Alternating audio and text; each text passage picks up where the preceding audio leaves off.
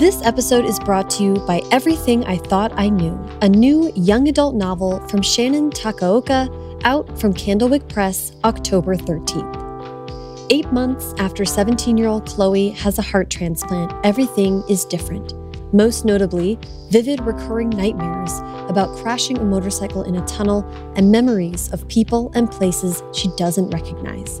As Chloe searches for answers, what she learns will lead her to question everything she thought she knew about life, death, love, identity, and the true nature of reality. Everything I Thought I Knew by Shannon Takaoka comes out from Candlewick Press on October 13th.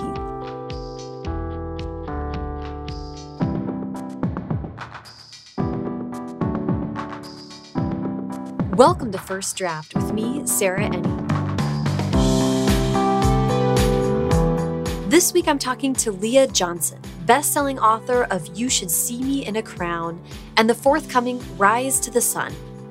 I loved what Leah had to say about how burning out on journalism led her back to creative writing, how her experience in an MFA program changed her life on and off the page, what she wishes someone had talked to her about before promoting her debut novel, and she gives great advice for people with books coming out during the pandemic.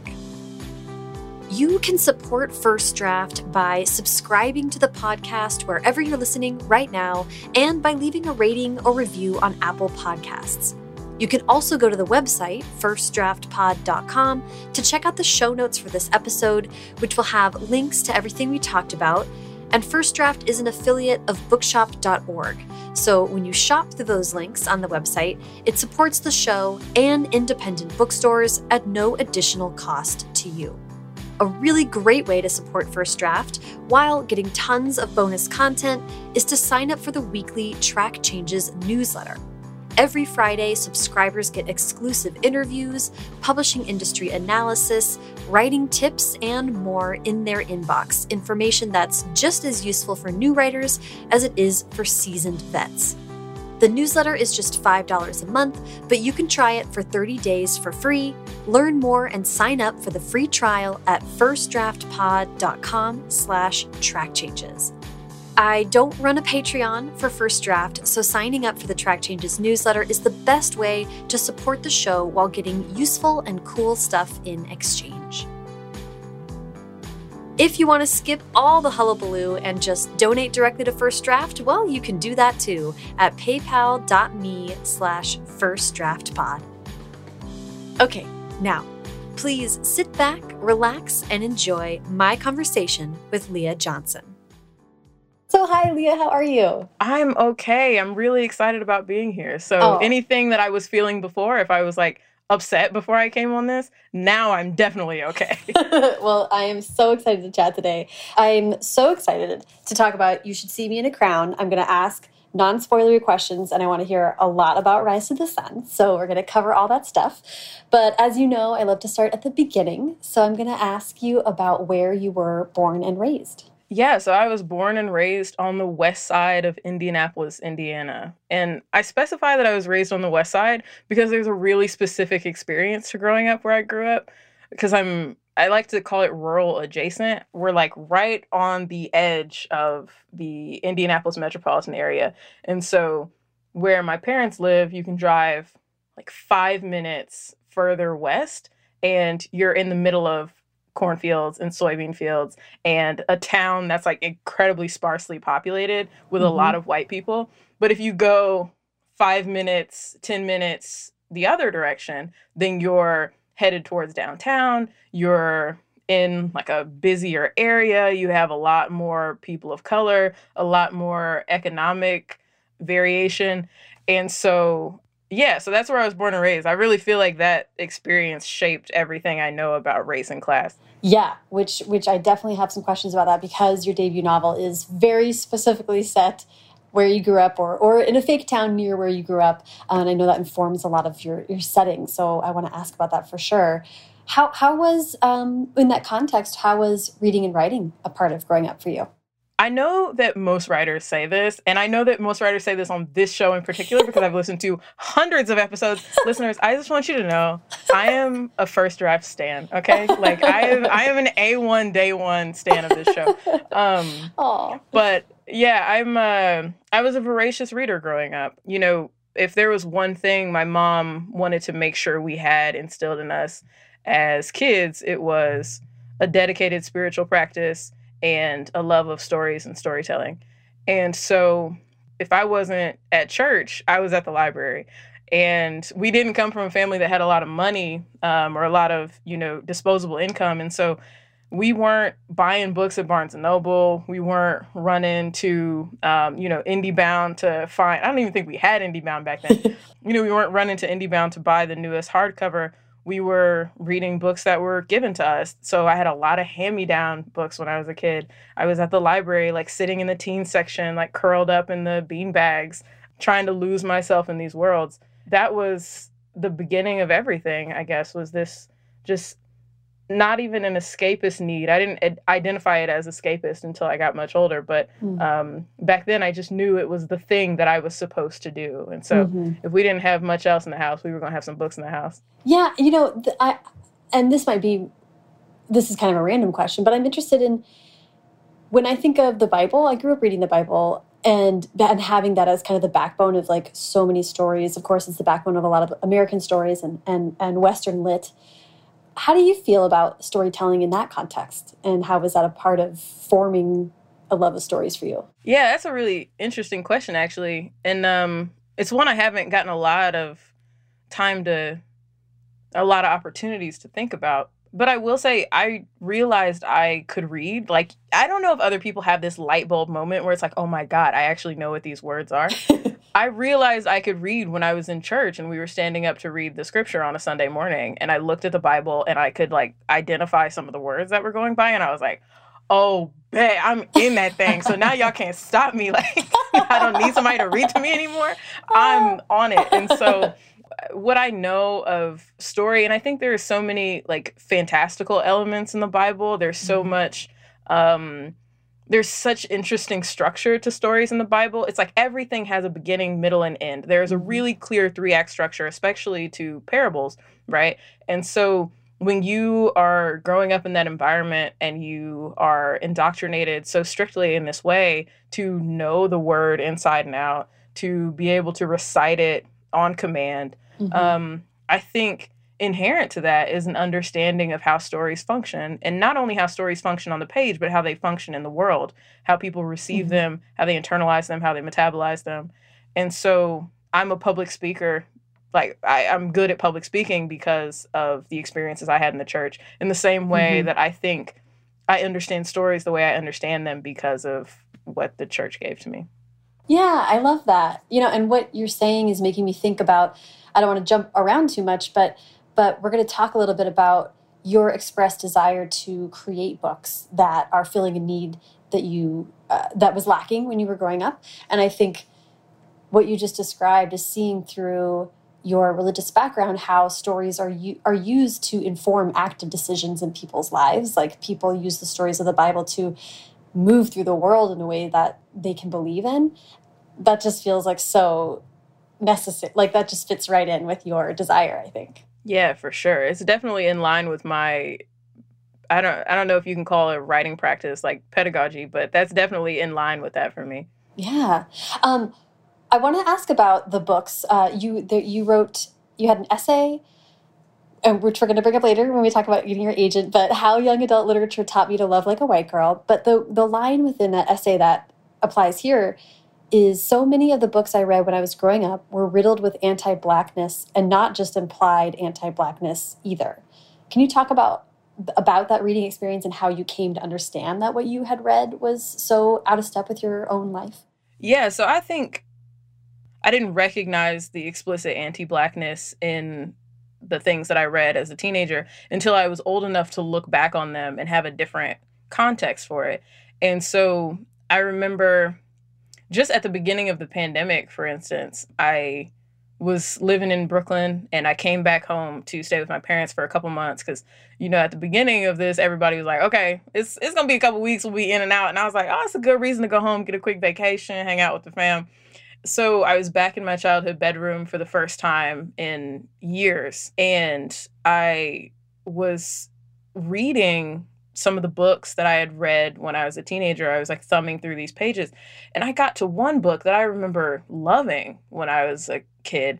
And there were so many lines in the book where things that were coded as black, even if they never said explicitly we're talking about black people, they were talking about rap music or they mm. were talking about a certain style of hair or they were talking about certain clothes and you knew that they were talking about black people or blackness but they didn't have the guts to say it and when I was reading it, I was like, oh my gosh. So I'm internalizing all these ideas as a teenager about what it means to be black, or not even what it means to be black, but like the shame that I should have about being black and the limitations that that's in the in the white imagination, mm-hmm. what that is going to place on my life, right? And so I think even if I didn't know consciously then what I know now, I was certainly taken in a lot of stories about how white girls were the people who were supposed to have happy endings, mm. straight people were the ones who were supposed to have happy endings, and queer black girls either do not exist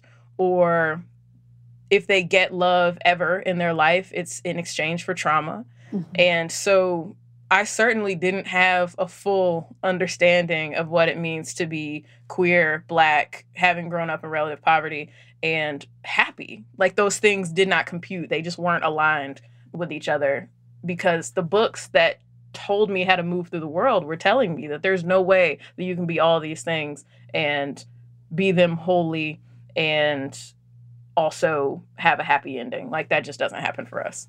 Right. Right. And I mean I want to well I I don't want to jump around too much, but I want to kind of come back to that but I want to track how you started to find your own voice and when you started actually creatively expressing yourself in that way. For sure. So I started writing really early. I say this all the time. I don't have that many talents. I'm like good at, I'm good at a very narrow scope of things.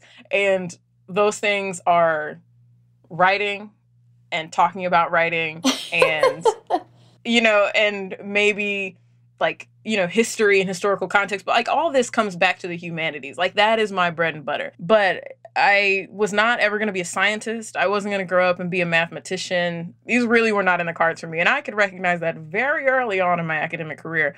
But the thing that i loved most was sitting down like DEAR you know drop everything and read when they would be like all right everybody shut up. Go to a corner for 30 minutes and just like pick up a book that was me in my bag. I loved DEAR. And so, you know, I was reading a lot and I was writing these stories in this torn up notebook, which I also rediscovered when I went back um, home for, uh, you know, the pandemic. And they were all like stories that were ripoffs of other things that I had read. But I think, you know, I think what writer doesn't begin with work that is a little bit derivative? And so I was a kid just like the Great Gilly Hopkins, I remember, was a book that oh. really stood out to me growing up. And so I had a short story that I wrote in like the second grade or something called The Great Billy Bubble Blower. And it was like, what what are you writing about, Leah? Nobody knows. But the idea was there. the idea was there. And so oh. yeah, I started really early finding you know, finding a love of telling stories in my own way, even if they were ripoffs of other people's work and um, that just evolved over the course of my life. I wanted to write, I wanted to tell stories, and I didn't think that there was a way I could be a professional author. Like that was not realistic to me. That doesn't happen. But you know who does tell stories? Reporters. You can turn on the news every night and catch a reporter on there telling a story. You can flip open the Indianapolis Star or the Indianapolis Recorder every week and see them telling a story. And so journalism really early on became the vehicle for me that I was going to use to do that work or to feed that part of me. And so I think like in middle school, like as early as middle school, I had like joined the yearbook and was like helping do like newsletter stuff. We didn't have a newspaper, but we had a newsletter, and I was like in the mix on that. And then I don't want to jump too far ahead, but like that's I I did the newspaper in high school. I became editor in chief by my senior year, and was a sophomore, just like trying to tear into whatever I could tear into. I I wanted it all. I wanted all the stories. I was like, yeah, I'll write an op-ed. Yeah, that's no problem. yeah, I'll call the mayor right now. You think I'm scared to talk to the mayor? Like I was I was so ready to just go for it. And so that was the plan. I was like, I'm going to be a political correspondent for the New York Times. Oh, Boom. Amazing. That's life. That's it. Yeah. I love that. Well, I, I, you know, that's my background too, so I can definitely relate to that. What was that? And I'm, I'm just kind of leading us to you deciding to go to, to graduate school for creative fiction, or I, I think it was creative fiction. Um, yeah. Okay, the MFA. But at undergrad, were you you were pursuing journalism and reporting? Yeah. So I went to Indiana University, go Hoosiers, um, to study journalism and African American studies. And so that was my double major in college. I wanted to report specifically on issues of race and mm-hmm. class. So I got there and I also was doing some political science stuff because I hadn't given up on the New York Times yet. I was like, I'm going to make it to the New York Times. You guys just wait. That was my goal. Everything, if there's one thing you can say about like my career, is that I've always had been in dogged pursuit of my goals. Like if I decide something, that's it. She's doing it. And that's not to say there's not a lot of barriers in the way. And that's not to say it's a pull yourself up by your bootstraps type of situation because I don't believe in that. But I will I will say that like I knew that I had a limited set of skills and a lot of passion in one area. And if I had to go to a job every day, then this was going to be the job that I did. And so yeah, that's what I studied. And so I was going to go into, I started as a print reporter. And then my like sophomore year, I took my first radio class and that changed everything for me. And Ooh. so I got really into public radio. Shout out to Sarah Neal Estes and American Student Radio, um, who changed my life, like really changed the entire scope of what I understood storytelling to be. And so um, from that point on, I, I was interning at NPR affiliates. I was in the lab more often than I was at, you know, where anywhere else. I was gonna say at the bars, but I was too young to get to the bars at the time. Um, and I think I, yeah, and then you know I I got some internships where I got to do some multimedia work. I I was an intern at the Wall Street Journal for some time. I was an intern at a newspaper in London where they were trying to get a podcast off the ground, and so I did that for them. Um, and that was that was really that was really it. That was um that was the last iteration of my journalism career. That's amazing. Okay, I did not know that, but that makes me wildly happy. As I'm like, somewhere here is my gigantic NPR mug. That like, oh yeah, um, of course. Um, every podcaster, I think, has that that little beating part of their heart. Um, that's so neat. What do you think it was about audio storytelling that was so so engaging for you? Well, you know, I I can actually pinpoint it to the podcasts and the stories that were most influential to me. So I listened to Radiolab. That was the first podcast I ever listened to. And we were studying it for my class, my audio storytelling class. And I was like, oh my gosh, like you could hear everything. Like everything was so much more visceral. Like the you can hear the way somebody's voice skips when they get super emotional. And even if you can't see them, I know that there's tears welling up in their eyes. Mm-hmm. Or I mm-hmm. know that their hands are shaking because of how their voice is shaking. Or it just felt to me so alive. And there was something about the way stories leapt from you know, the voice of these people into my headphones and out into the world that made me excited about telling stories again in a way I hadn't been for a really long time. And so I think even now, you know, in the stories that I'm telling, all of it is meant to be thought of in different mediums. Like I think that's why I love the audiobook of You Should See Me in a Crown so much, partly because Alaska Jackson is incredible, but also because like when I was writing it, I was reading the entire book aloud because to me, like any story is also meant to be experienced in as many different ways as you can. and so anyway, all that to say, there is this episode of This American Life where it's like 24 hours at the Golden Apple, I think is the name of it. Yep. And they're inside of this restaurant and I I cried like a baby. I just thought it was the most incredible thing. And I don't even think that episode is particularly sad, but there was just something about it that never left me. That I just listened to that episode of This American Life recently, so that is so funny you bring that up. And it's like uh, a huge part of it is like teenage girls just desperately trying to get these guys to hang out with them. Yes, it's like this is so Yeah. relatable. um, this American Life also has this episode called Picture Day, and it literally was just like kids on Picture Day, Oh, I and it was part of the. one. It was part of the TV show they had for like two and a half seconds. I think they had like maybe five episodes. It's on Amazon Prime now, but like Picture Day really stuck with me. It's just all these. It was just these slice of life stories that like really made everything come alive.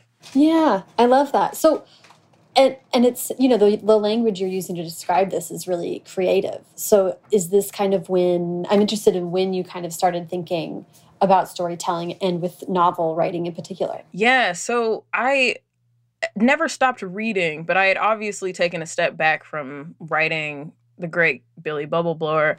Um, it didn't it didn't win me the Pulitzer, and so I said, "We're done. We're out of here." Now I um I was in my senior year of college, and I was on track to do an internship at a pretty big newspaper, and I was supposed to go for enterprise reporting, which is, for anybody who doesn't know, enterprise reporting is like sort of long form narrative journalism, but also brings in a lot of different elements. So, you know, like sometimes there's a, a visual element or there's a video or an audio component. And, you know, I had been gearing up to do this as a print reporter.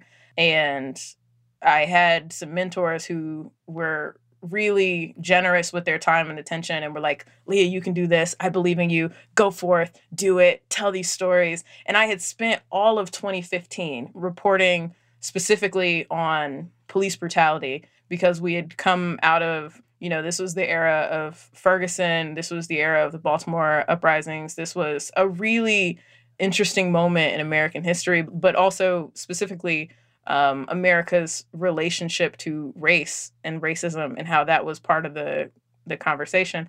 And so that kind of work eh, for anybody is exhausting but particularly if you're a black person in this country, to engage yourself in those stories over and over again and be reminded constantly that this country does not care about you and there are not policies in place to protect you. That kind of work was draining me. It was taking everything out of me physically, emotionally, and it was also sucking all of the joy out of this thing that I had once loved so much.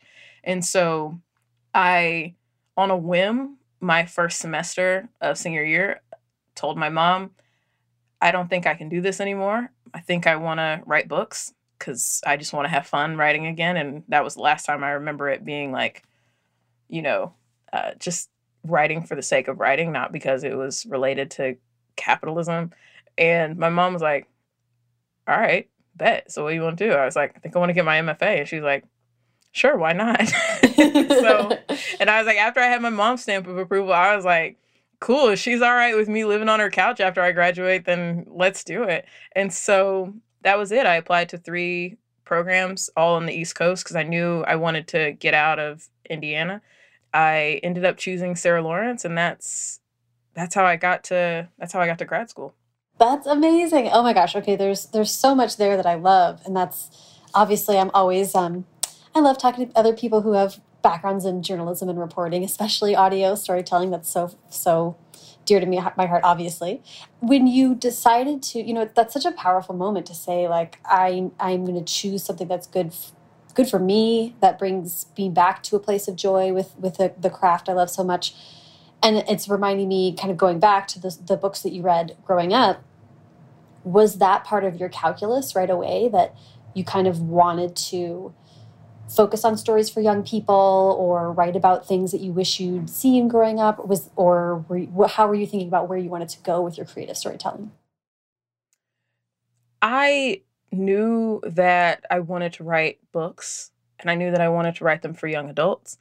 And it was not ever a question for me who I was writing for. if I was going to write a book for young adults and I was going to write a book for black kids and it was going to be for black kids from towns like mine um, who had similar experiences to mine. That was where my head was at the time. The minute I got to grad school, first thing I ever handed in, um, well, the first short story I ever wrote, like to completion, like a full three act structure short story, was for my application to Sarah Lawrence.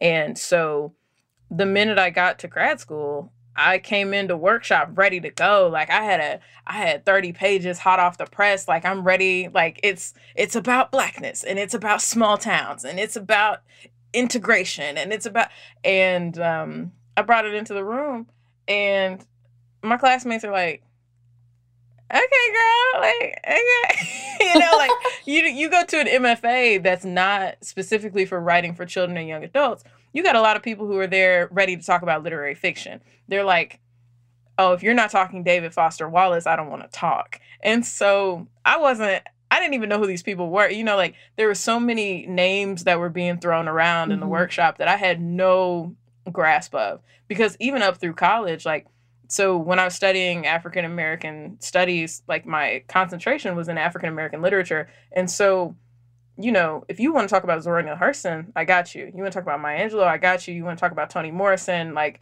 James Baldwin, these are the giants in my universe. But I got to workshop.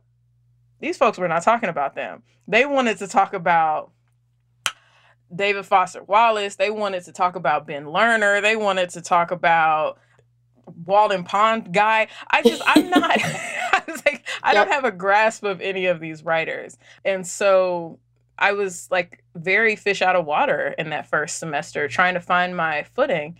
And the thing that anchored me, the thing that grounded me, even when everything else was sort of like felt tenuous, was that I knew who I was writing for. If I didn't know anything else, I knew if this, not if, when this becomes a book one day, because I was very very goal oriented. I was like, there will be a book out of this. Whether somebody publishes it, it's none of my business, but I will finish this. And like as I was writing it, I was like, when this is done, this is a story for black kids and they deserve it and I deserve that. 15-year-old me, 16-year-old me deserves that. And so whether they're rocking with me or not, I'm still, you know, I'm to I'm here to do what I'm doing. Yeah, I mean, I love that. And I love the perseverance maybe is the word we can use for that or grit or there's a lot of great words for it but i and it's something i think everybody needs if they're going to go through the publishing experience because it requires a lot of patience and uh, perseverance. Oh, yeah. And I don't want to presume anything about your MFA program experience, but that was a question that I had for you was whether it's sort of like famously these programs are not exactly like hyped up about YA stories or or the people that want to write them. Um, but how was your experience? What do you think? What were the things that you took away from Sarah Lawrence? Yeah, you know, I needed that two years, regardless of how the program started. Like it ended up being exactly what I needed. I needed the two years to find my voice as a writer. I needed two years to just play around with fiction where I didn't have to also work a full time job and like try to navigate those dynamics in addition to school. I was just there to focus on that. And I think that I found my people in my MFA, and that's kind of what gets you through it. Is like this these spaces are inherently classist, they're inherently racist, sexist, add an is to it, and the MFA is that.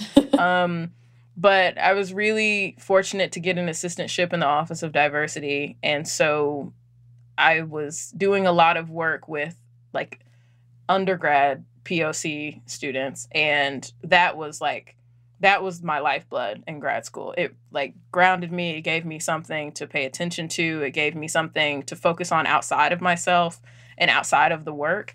And so that was really that was really it. But I I was really lucky that I I had a great group of friends. There weren't that many of us, but all the queers we flocked together. all the all the black and brown folks we came together and that was my family you know for that for those two years we really leaned on each other and relied on each other for everything you were also in new york living mm-hmm. living outside of indiana for the first time i think yeah yeah yeah yeah what was that and like? that was that was so permission giving. You know, I I had an inkling when I went to grad school that the feelings I was having about women were not strictly friend feelings. I was like, ah, probably a little something going on there, kiddo.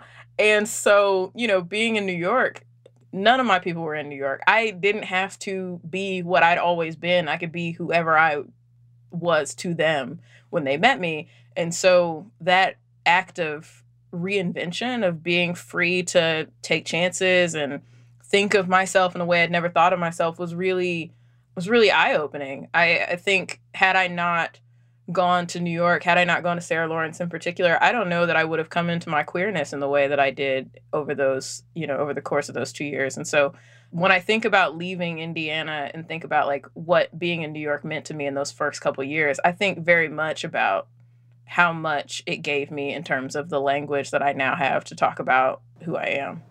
Yeah, that's amazing. So let's get to getting your agent uh, because it's a kind of an unusual story from what I understand. I think you wrote this essay, How Young Adult Literature Taught Me to Love Like a White Girl. Can you talk about writing that essay and then what, what came out of it? For sure. So I was in grad school hustling, trying to pay my bills, which is the story of my life. like as a writer, you know, as a creative, all of us are out here just trying to do what we can do to be able to live this life as an artist. And so, you know, I was in New York, I was broke. I was like, okay, what skills do we have that we can leverage that will keep me from having to go back to working at Aeropostale because I don't want to do that again. And so, and so, um, Electric Lit had an open call for essays, and I was like, "All right, cool." I read the description of what they were looking for, and I was like, "I could do this." It was my first time writing something like that for a major platform, and so I was like, what can I explore? What topic wise, subject matter wise, can I explore that fits into this? And that was for me the thing that I always came back to, which is young adult fiction, the thing that got me into this to begin with. And so I kind of came in a little hot. I was like, you know, why is it I'm in my 20s now and I'm still looking around and there's no books for girls like me or the girl that I was growing up? Why why have we gotten to this stage and I still feel an acute sense of shame every time I think that I like somebody. Like why is it why have why am I still holding on to this? Why are these ideas still being perpetuated for and about young women like me? And so it came out and uh it's like the day before Christmas morning. Like when I first started writing essays, it was like the day before Christmas morning. Every every time I put something new out, I was like so filled with anxiety. And um I woke up at like six o'clock that morning, like, oh my God, has anybody commented on it yet? And nobody had because it was six in the morning and nobody cares. And so I and so I went to work. I went about my day. I went to my classes, and I get out of one of my classes, and I have an email from my first agent, and she said, "I read your essay. I thought it was really interesting, really beautifully written. Are you working on anything right now?" And I was like, it's funny you should mention it. Yes, I am. And then, you know, and I had and a couple editors had emailed me after that essay and it was just really it was really exciting. I was like freaking out to my grad director. I was like, "What do I do? What do we do? This is not a drill." And she was like, "The first thing you do is stop yelling in my office, and then the second thing we do is like call your thesis advisor, like ask him." She's like, "I'm not a writer." And so they pretty much walked me through like how you how you meet with an agent. And I went down to Wall Street like the next week to meet with her and tell her about my project. And that was it. Like I didn't query any agents. I that was that was pretty much it. She found me and we stayed in touch after that meeting and it was a number of weeks until she emailed me again and was like hey Scholastic needs a writer to work on a certain type of project. Are you interested? And I was like, bet I can cook something up real quick. And so, you know, we sold You Should See Me in a Crown like weeks after I graduated from grad school on like a couple of pages and a synopsis. That's incredible. I love that. Yeah, and it's I'm I'm glad to be able to talk about that that with you because everyone has such different ways of getting an agent, and I think that's an important thing to know. Like, it isn't just, um, you know, literary fiction off in the heavens where people write essays and get it, you know, like it can happen to yeah. anybody. so, yeah, for sure. You wrote about young adult and it, and it worked out, which I love. Okay, let's talk about You Should See Me in a Crown. So excited to talk about this book. It's so pretty. I'm looking at it right now. Uh, oh, thank you. Yeah, oh, I, I loved reading it. Um, I want actually before we get into specific questions about the book, do you mind pitching it for us? For sure. So You Should See Me in a Crown is about a girl named Liz Lighty who's growing up in a small and small-minded Midwestern hometown, and her dream is to get out and to get to college. Those plans are derailed when her financial aid for college falls through, and she has to run for prom queen for the scholarship that's attached to the crown. That would be tough enough for a wallflower like Liz, but it's made even more complicated when she begins to fall for her competition. Love it. Ooh, you got that down. I love it. Um. Sarah, when I tell you I did a virtual event like every day for two months straight, so like now it's like a science. I could do that in my sleep. In fact, I do do it in my sleep. I love it. Um, I want to ask about. I, I read somewhere you described this book as writing about queerness without trauma and blackness without pain, and that seemed like kind of like a like a want to cross cross stitch it and frame it kind of like mo maybe mantra or something for what you're interested in exploring through your work. But what what is what what does it mean to you to write a book about with that as your thesis statement? Yeah, I mean, you know, I knew really early on that this was intended to be a black girl joy book. Like that's what if I had one chance to write a book, if nobody ever let me do this again, um, I wanted to throw everything at the wall and see what stuck. And so that's why you have a protagonist who is uh, poor, is raised in a non traditional familial situation, is from a small town in Indiana, who has anxiety, who suffers from anxiety, and who is queer and is not struggling with her queerness, but struggling with what it means to be queer where she's growing up. And so I wanted all those things to be able to exist together, but also have the ending that I have seen so many straight white girls get over the course of my life. It felt like a way to course correct, sort of. You know, I was writing this book. I started writing You Should See Me in a Crown in 2018. And at the time, like CCBC came out with their numbers for Kidlit and like what the stats were for diversity. And they you know, released the study and it said that over the course of the three years prior to 2018, there were maybe 21 or 22 books that had a black girl as the main character. And of all those books, which still isn't that many, of all those books, there was one that had a black queer girl as the main character, and that was Little and Lion by Brandy Colbert.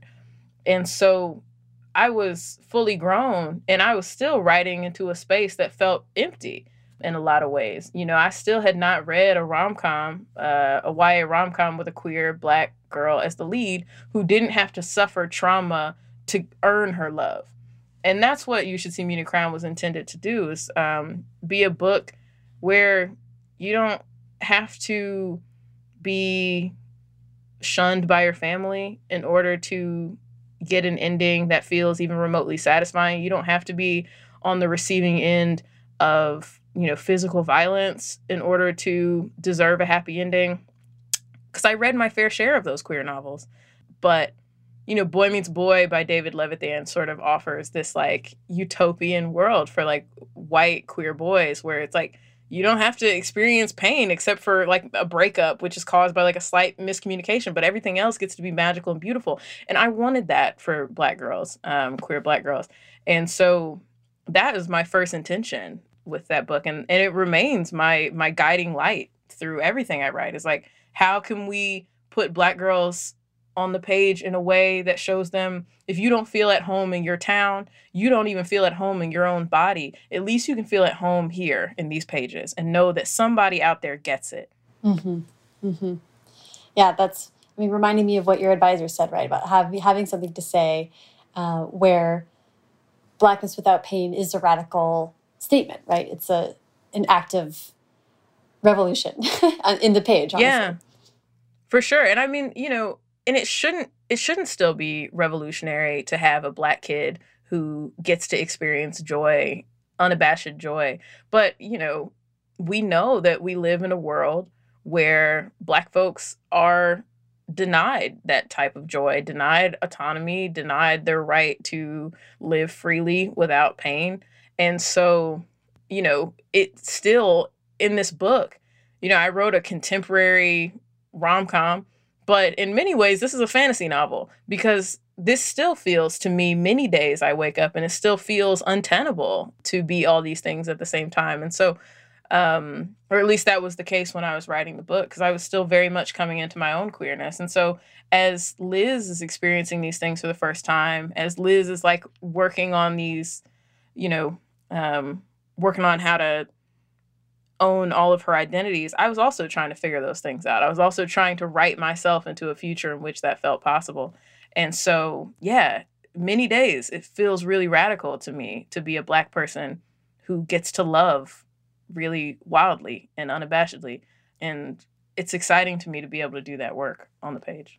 Yeah, absolutely. I mean, it was exciting to read. It was really fun. And it was also just like the, the, the pure pleasure of this kind of story, right? That we've all seen in teen movies and but but for so for so now and so many elements that we're just like, oh, this is um, a very modern version of that story in a way that was just so refreshing and funny. There's, I, I don't want to, this is a tangent, but there was one line in the book about people writing letters to cats with high blood pressure or something. that uh, it killed me. I was dying. Uh, that was, Thank I was you. just Thank like, you. this book is really sending me. So, so, what you just said about writing yourself a world to inhabit is so interesting to me. Can you talk a little bit more about that coming into yourself in this really major way while writing this book? Yeah, you know, I think right now is an especially pertinent time to talk about like who gets to write what stories. I think we've all been privy to a conversation recently about like who gets to claim ownership over what narratives, especially queer narratives.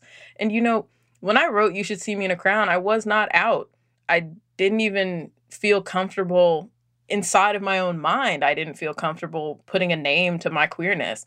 And I wrote the book anyway. I wrote the book because writing the book was me giving myself permission to claim those identities. And I didn't come out until like some of my friends knew, but it had been like a really casual thing. I had like maybe said like, "Oh yeah, I'm going on a date with a woman" or something. And my mom, who is the person who I was always most concerned with coming out to, because you know, at the end of the day, anything else could happen in the world, but if my mom's got me, I'm not worried about it. And um, you know, I had grown up in a really strictly religious household and the Pentecostal church has really strict rules about uh, restrict positions on uh, homosexuality. And so, even though I knew that I had evolved past those beliefs, and you know, my sister obviously had evolved past those beliefs, I didn't.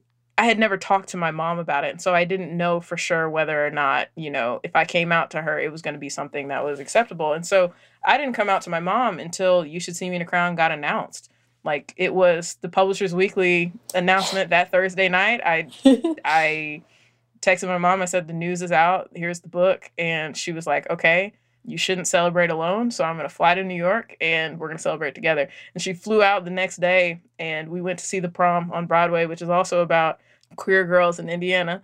And I sat through this musical with my mom, and I was like, she's having the time of her life. She's having a blast. She's like, this is the best show ever. She's in the aisle, she's dancing, she's just going for it. And the entire time I'm like crying, I'm like sobbing. And it's not a sad show for the most part. It's like supposed to be pretty lighthearted, except for, you know, there's a couple moments in the show that are pretty sad.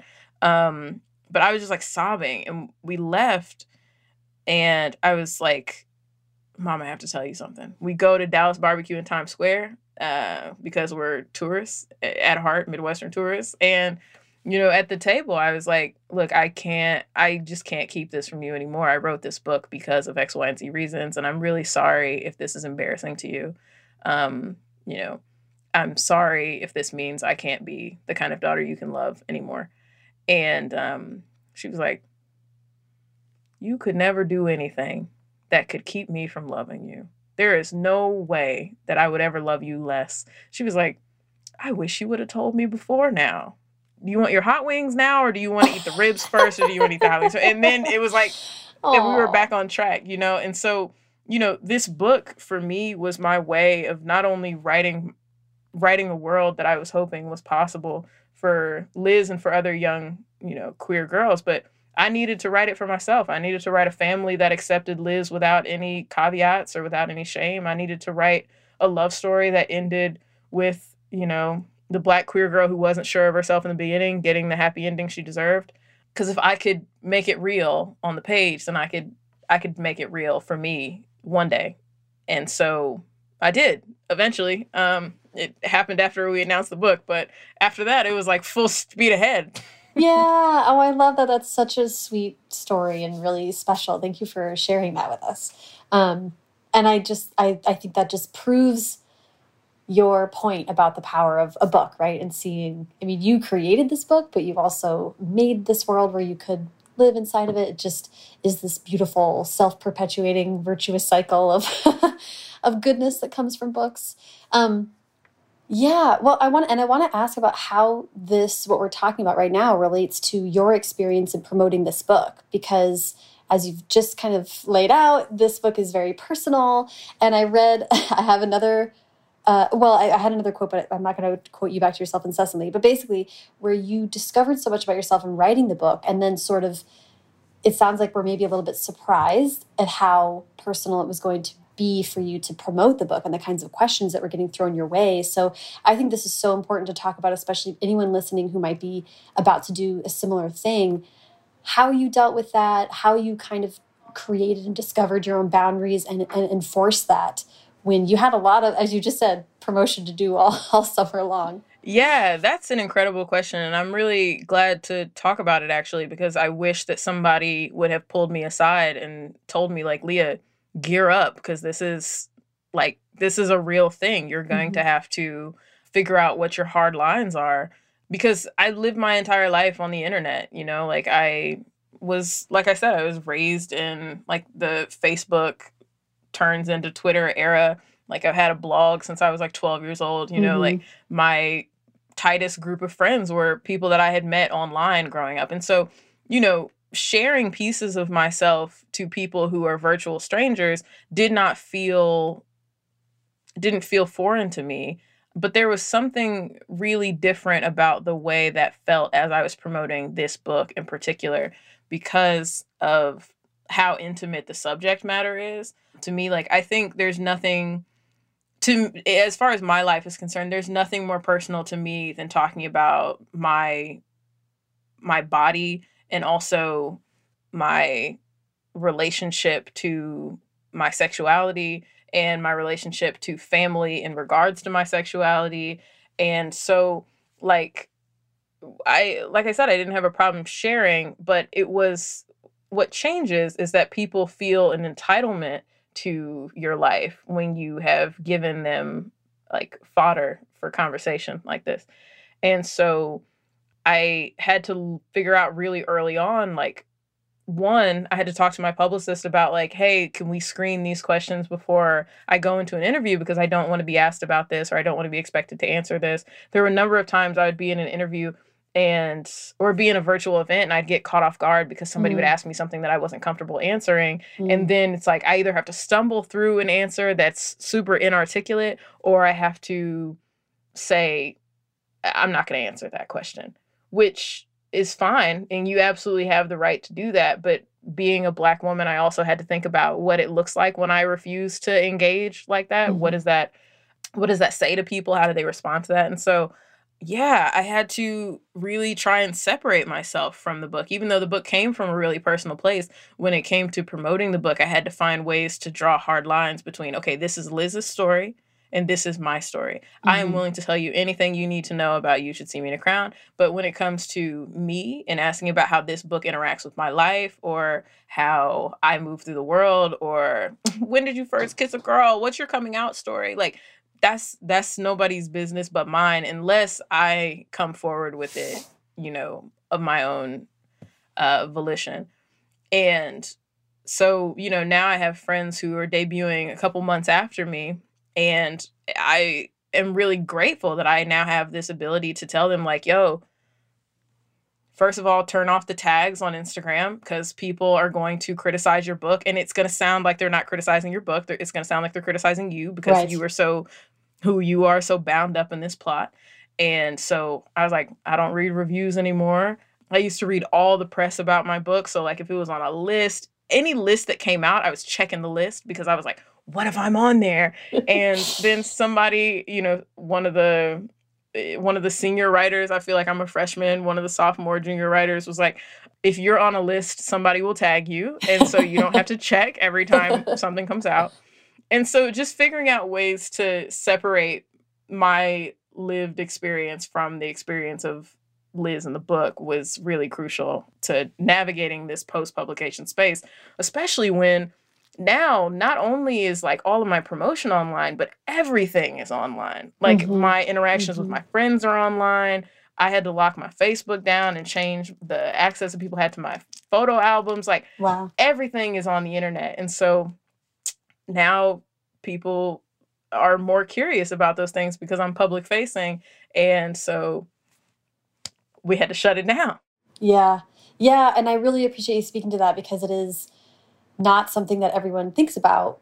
Books, writing a book is so like you're just in your own head for months at a time. And then it's like, oh, wait a second. Um, if you're lucky enough to have that many people respond to it, which you definitely were with this book, you then are, it comes with a lot of double edged swords. Um, right. So I think that's really important to talk about. And, and I, that's such an important and interesting point I hadn't quite thought about. Like, you're promoting this book, it's getting a lot of traction, but people are asking really personal things, and, and a Zoom call between friends feels just like a Zoom call between an interviewer, and, a, and then it just all becomes flat, and you kind of that this is how we lose our minds in quarantine, I guess. right. Yeah, and like, and you know, another element that I think people forget is like you're in my house. Like we're doing this interview, Sarah. You're sitting in my closet right, right now. That's right. You're my suits are right behind me. This is my my prized possessions. Like this is very intimate, and so like right. I'm inviting strangers into my home every day, and then I'm also being expected to in my own home confide in these people that I do not know and like tell yeah. them my deepest darkest secrets. That's a lot to ask of somebody, yeah. and it's not that it's not that I don't I don't love sharing with readers or interviewers. I do. I'm an oversharer by nature, but um, it's the it's the idea that anybody is entitled to that information that really gets me. And I think that's where we trip up in a lot of our online discourse, especially about sexuality. You're not entitled to know anything about how people identify. You really aren't. Right. And so, you know, what happens yeah. is we get a lot of folks who are like, well, you didn't have the right to do this and you should have done it this way and this isn't the right portrayal. And it's like, okay, well, this this experience was unique to me. And I don't owe you any explanation about how I experienced my queerness. So mm-hmm. I almost mm-hmm. tell you. yes, I so appreciate that. And that's I, kind of that came up at the very end of track changes and like the marketing talk, and I was like, ah, this maybe in season two we talk about it in a whole episode because it's like if you're writing about really intense stuff, especially like writers I know who have talked about self harm or things like that, and then you go do an event and you have these kids come up and talk to you, and they are so in need of you, but you, like the degree to which you're going to be able to handle that, you know, it's all this, it's all this stuff that like every publicist should sit down and be like, heads up, you know, get ready. Yeah. Anyway. and they don't they don't media I was like, they don't really media train you. You know what I mean? Like most of us don't go through media training like celebrities get when they like have right. a movie coming out. So right. we're just kind of fumbling through this trying to figure it out. Right, what you're just saying about like they, no one's feeding you the line of like if someone asks you a question in the middle of a Zoom that you don't want to answer, here is a like tried and true way to pivot and move forward that everyone's going to feel good about. Um, let's talk about Rise to the Sun specifically, you know, you should see me in a crown had such a wonderful reception and you were kind of everywhere and you're talking to everybody, which was so fun to watch and exciting.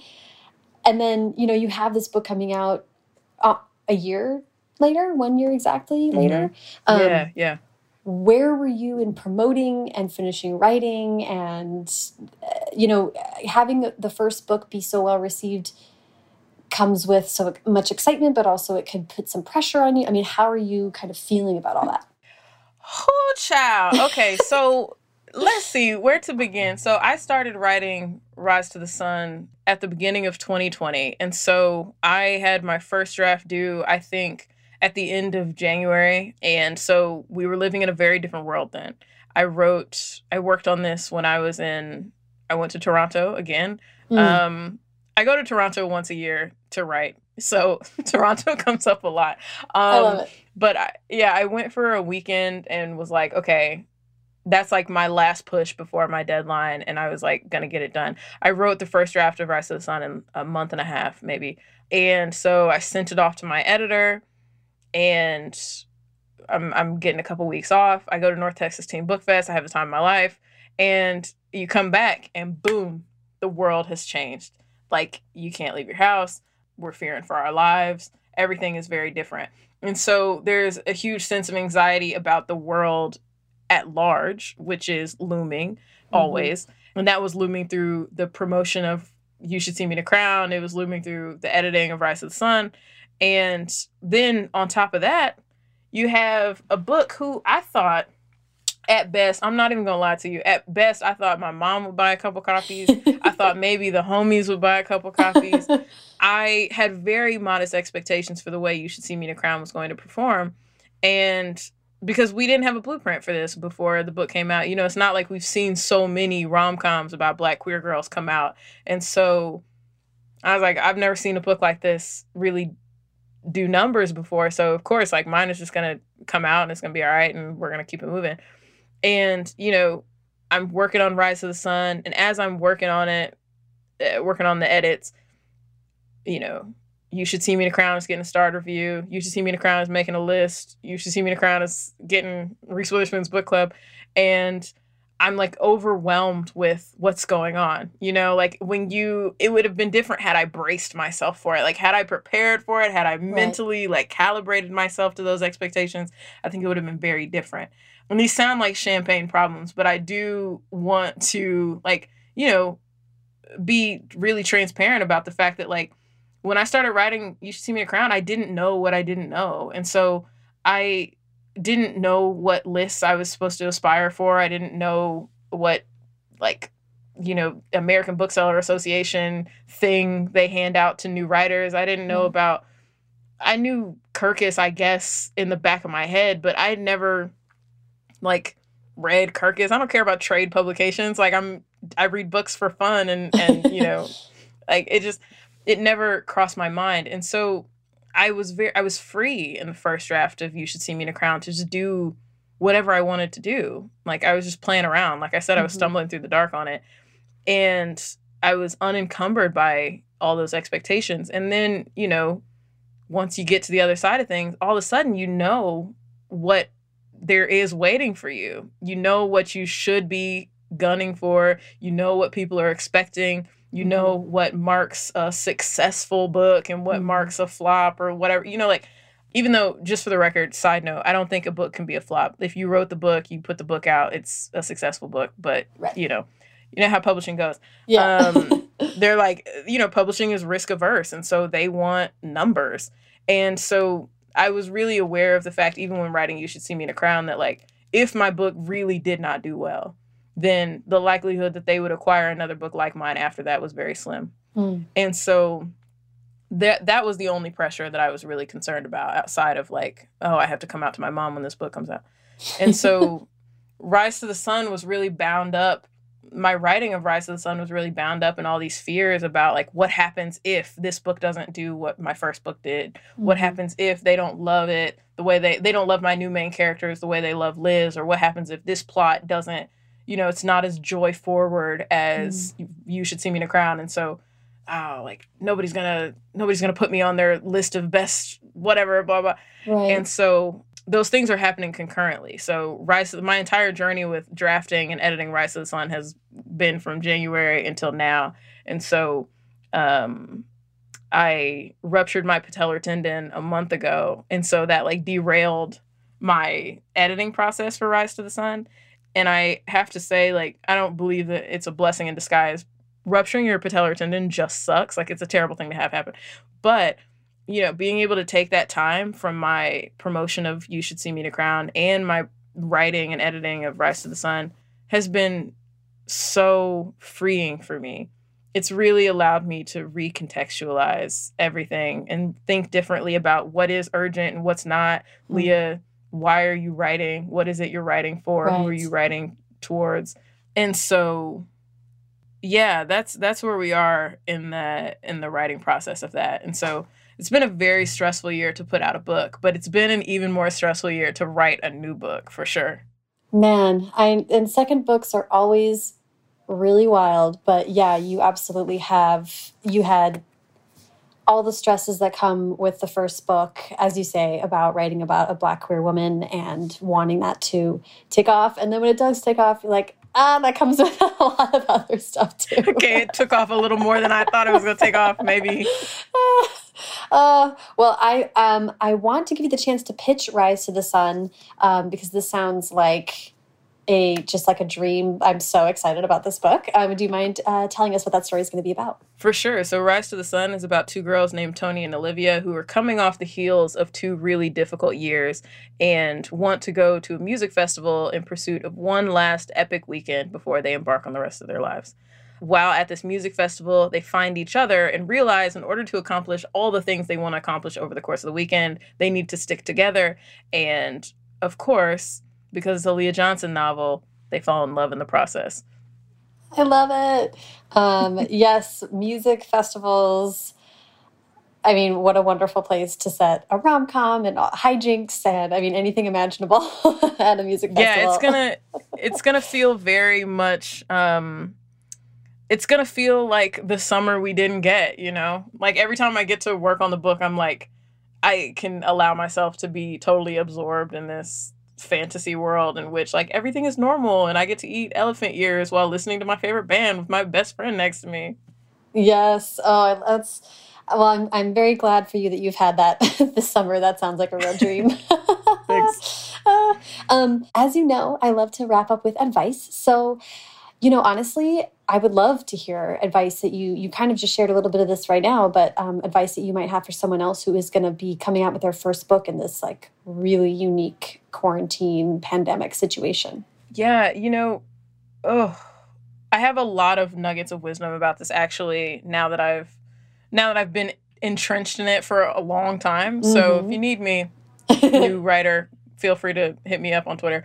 Um, I would say, first and foremost, a piece of advice my friend Rosie gives out often is you don't have to be the master of all elements on social media. Nobody's asking you to be a Twitter guru and an Instagram maven and a, you know, TikTok queen. Like you're you might not have all those things. Like this is you're not going to be able to collect all the infinity stones.